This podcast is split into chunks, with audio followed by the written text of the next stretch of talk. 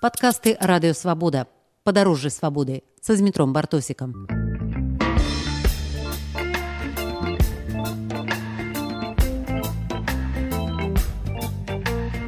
У эфіры радыёвабода пры мікрафоне зміцер бартосік гэтым разам мы едзем на пастаўшчыну ў мястэчка Дунілавічы. Якія рэчы застануцца ад нашай эпохі, як матэрыяльныя помнікі, напэўна, ніякіх, ну не лічыць жа такімі смартфон ці флешку. Між тым вялікая сялянская эпоха, якая сканчаецца на нашых вачах, пакінула па сабе рэчы, кожная з якіх ёсць помнікам часу. Франц Хоміч, былы настаўнік з мястэчка Дунілавічы, збірае свой музей. Ягоная калекцыя прадметаў старога побыту налічвае дзясяткі як звычайных сялянскіх прыладаў, сэнс якіх ужо немагчыма пазнаць без падказкі, так і унікальных рэчаў шляходскай сядзібы. Я бачыў ужо не адну калекцыю, але ўсё роўна кожнага разу дзіўлюся таму, што павінен быў умець кожны чалавек, а таксама дзіўлюся разнастайнасці ягоных кваліфікацый. Ну тут вельмі такіх каштоўных рэчаў няма. Яны каштоўныя тым, што яны яшчэ захоўваюць цеплыню рук людзей, якія працавалі. Это звычайныя звычайныя прылады працы. Тут у асноўным гэта прылады працы, якімі людзі карміліся, будаваліся.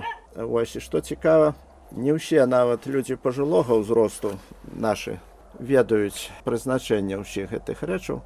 А неяк была ў мяне група моладзі італьянскай. Вось я ім расказваў пра гэта ўсё а потым пачаў пытацца а вось для чаго гэта для чаго гэта.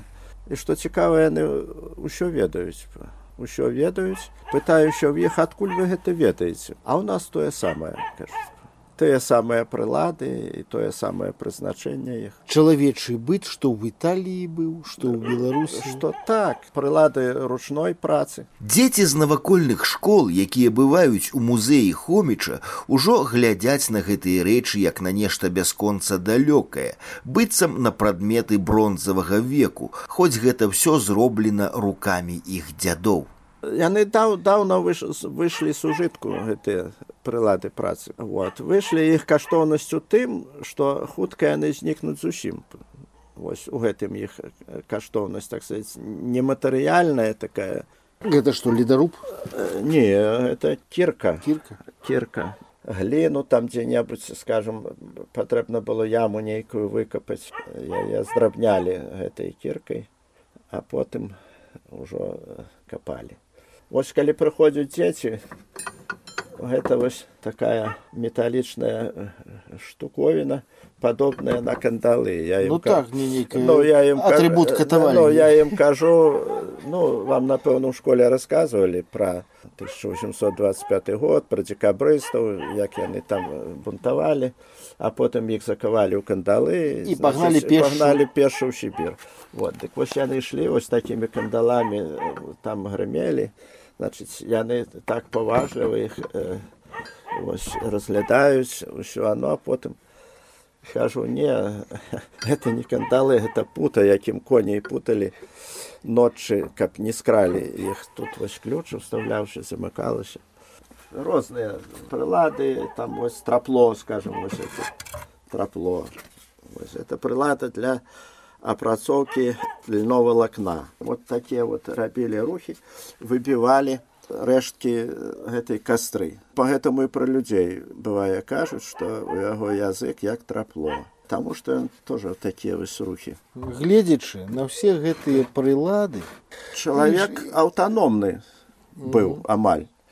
Але ён быў аўтаномны так? Але амаль без вольнага часу ну так зімой таксама працы хапала ну але больш-менш так вольны ён быў зімой хаця жанчыны пралі ткалі мужчыны збрую рамантавалі а калі лап яшчэ лапці насілі то на аднаго дарослага вось члена сям'і патрэбна было каля 200 пар лапцей сплесці на сезон на аднаго вот. А сем'і былі вялікія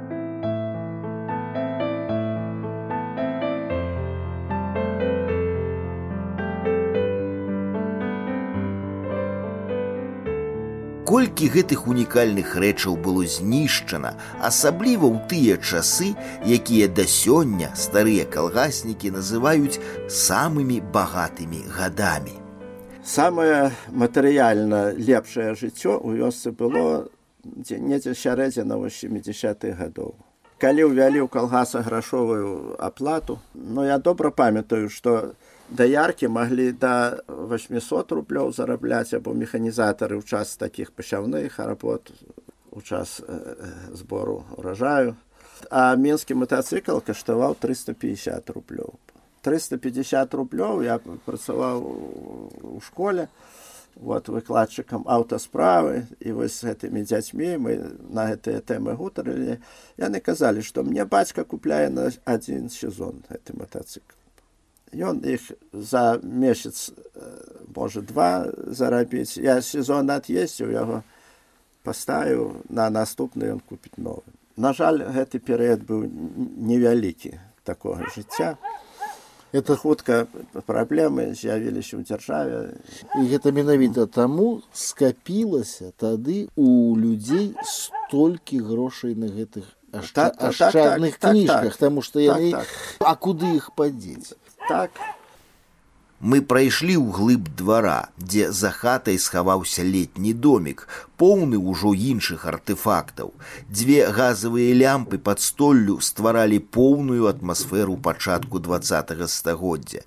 У няяркім святле паблісквалі старыя самавары, нейкія сякеры і старая мэбля. Вот. Ну гэта вось такі мой домашні музей асноўны ўжо. Некаторыя рэчы маюць сваю гісторыю, ну скажем вось это у нас я называюць канапа.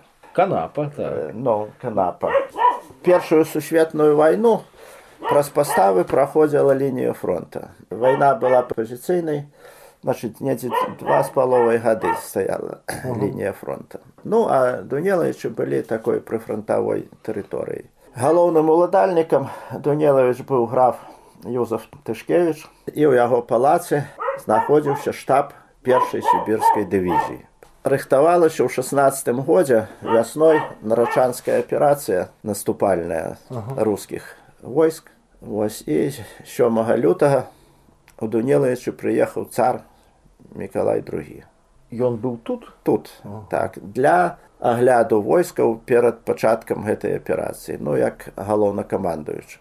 Прыехаў ён у Сеславіна тады крулёўшчына называлася э, на гэту станцыю Сеславіна, а потым на аўтамабілях зімой дарогі былі дрэнныя, занесеныя снегам. Ну прыехалі яны сюды і тут непадалёк ад Дунелавіч быў зроблены пляц.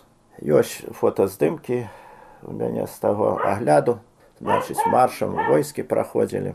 А потым у гэтым штабе ён праводзіў нараду з афіцэрамі штаба потым обедаў і меню нават гэтага обеда вядома і что то на першае былі шчы на другое котлета рубленая з кашы а потым было была кава і мороженое Вось такі на той час быў царскі абед. Царскі абед это я ў дзённіках Миколая другога нашоў. Ён падрабязна кожны дзень свой апісаў. Дык вось справа ў тым, што вось гэта канапа стаяла ў тым палацы. Калі ў 39 годзе прыйшла савецкая ўлада, мясцовы люд пачаў грабіць гэты палац. Вот граф з'ехаў. Ну і чалавеку дасталіся дзве вось такіх канапы адна захавалася да гэтага часу і ён мне падараваў яе і я заўсёды людзям расказваю што магчыма на гэтай канапе сядзеў некалі цар мікалай другі я не сцвярджаю што ён сядзеў вот. Ну але і цар і канапа былі адначасова ў палацы. Ну магчыма сядзеў. Гэта ему не дапамагло. Ну так. І аперацыя тая правалілася. І Дзякуй Богу, да гэтага музея не дабраліся царабожцы. Дай ім у рукі гэтую царскую канапу зрабілі б з яе атракцыён.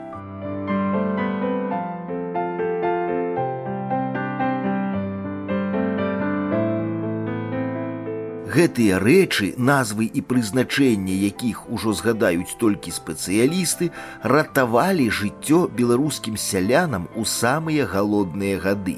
Падчас калектывізацыі, якая ў заходнюю Беларусь прыйшла пасля перамогі Савецкага саюзу ў вайне. Вот цікава, што гэтыя нашы тунелавічы яны 3 ліпеня сюды прыйшлі немцы і 3 ліпеня адгэтуль пашлі. Роўненька три гады роўненька три гады вось у нас гэты дзень вызвалення Суп, супадае. Да супадае 3 ліпень. Калгасы вельмі мала тут такія адзінкавыя паспелі стварыць. У 39 сорокавым вось у гэтым міжваенным гэтым прамежку. Вот. У асноўным усё заставалася так як і было пры польше ну а потым пасля вайны увялі налогі вельмі цяжкія для сялянства. Вот я яшчэ памятаю ўсё ўсё патрэбна было здаваць розныя прадукты там скажем яйкі нават. Вось гэта шарсціння са свіні калі калолі то надо было яго здаваць это шарсцінне. Ну рабілі можа якія там шчоткі гэтыя гэтага шарсцення поэтому калі кабана трэба забіць хаваліся ў склеп там яго а в той час яго асмаліць надо было смалілі саломай гэта на ўсю ноч эта работа была такая. Пякельная. Пякельная да. Ну слепіш там не вентыляцыі там а надо с агнём. Кабана там забівалі да да да, да. Ну, і там каб ніхто не бачыў. Тайна таму што трэба ж здаваць гэта шарсціння гэта Э, ну масло там розныя прадукты зерня вот бульбу ўсё вот. Ну потым калгасы зразумела что э, тым хто нешта меў вот гэта не падабалася. І што цікава што вось у першыя гады людзі поверылі што з гэтага можа нешта атрымацца. Старыя людзі у такіх доўгіх белых кашулях штанах ну саматканых белых ось з лупкамі значыць выходзілі сеяць па ўсіх там звычаях верылі што з атрыманага ўражаю ім нешта дастанецца. Но але хутка зразумелі што не. Ну сістэма была простай значит збіралі ўражай першае дзяржаўны заказ другое насення калгасу трэцяе фуражная зерня скаціня калгаснай а чавёртае тое што заставалася дзялілі паміж калгаснікі. Там згодна з працаднямі калі заставалася нешта зразумела што не самая лепшая зерня А калі і нічога не заставалася. А людзі неяк жылі, вот што цікава. Патрэбна было падаткі плаціць там ну тую самую карасіну купіць там. У асноўным вось дзякуючы гэтым прыладам працы но ну, натуральнай гаспадаркай жылі. Не сакрэт што і пакрышку з калгаса пачалі цягнуць. цягнуць. Вось гэта адна з прычын чаму пачалі шчаляць хутары потому что на хуторах зручно было вокруг калгасныя палі як вы глядзіце на згасанне беларускіх вёсак і беларускіх мястэчак? Ну, як на аб'ектыўны працэс? Канешне з болем. Гэта ж наша гісторыя наше жыццё і гэта ж цягнулася не не дзясяткі вот это сотні гадоў. Вёскі гэтыя існавалі а потым вельмі хутка яны пачалі знікаць. З такой хуткасцю імкліва гэта ідзе працэс.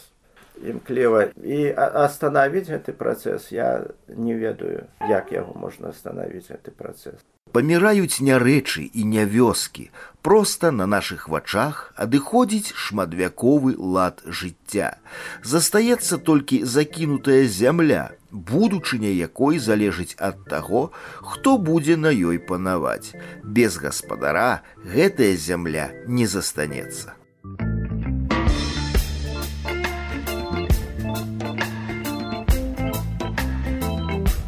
Вы слухали падкаст радыёвабода. Наступны выпуск праз тыдзень. Усе падкасты свабоды ў інтэрнэце на адрасе свабода кропка орг. Штодня у любы час у любым месцы калі зручна вам. свабода кропка орг